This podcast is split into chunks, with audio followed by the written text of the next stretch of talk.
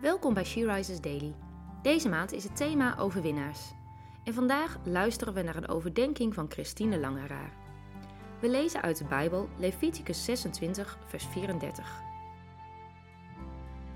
Zo, doordat het land braak ligt, terwijl jullie naar het land van je vijanden verdreven zijn, wordt het schadeloos gesteld voor de rust die het heeft moeten ontberen.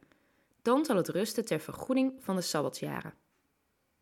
In Leviticus 26 vinden we een opsomming van zegeningen die God geeft aan het volk Israël als het hem gehoorzaamt.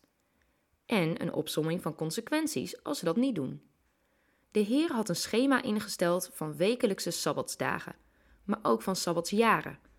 Elk zevende jaar mochten de akkers niet ingezaaid worden en de wijngaarden niet gesnoeid. Een jaar van volkomen rust voor het land.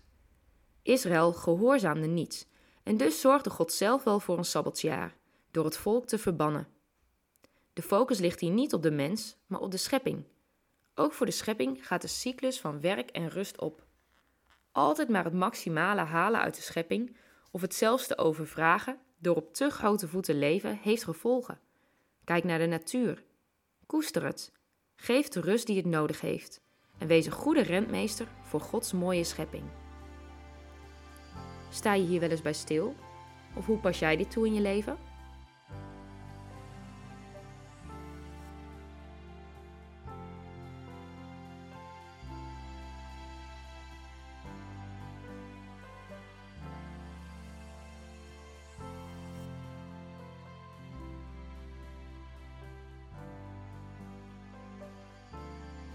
Laten we samen bidden.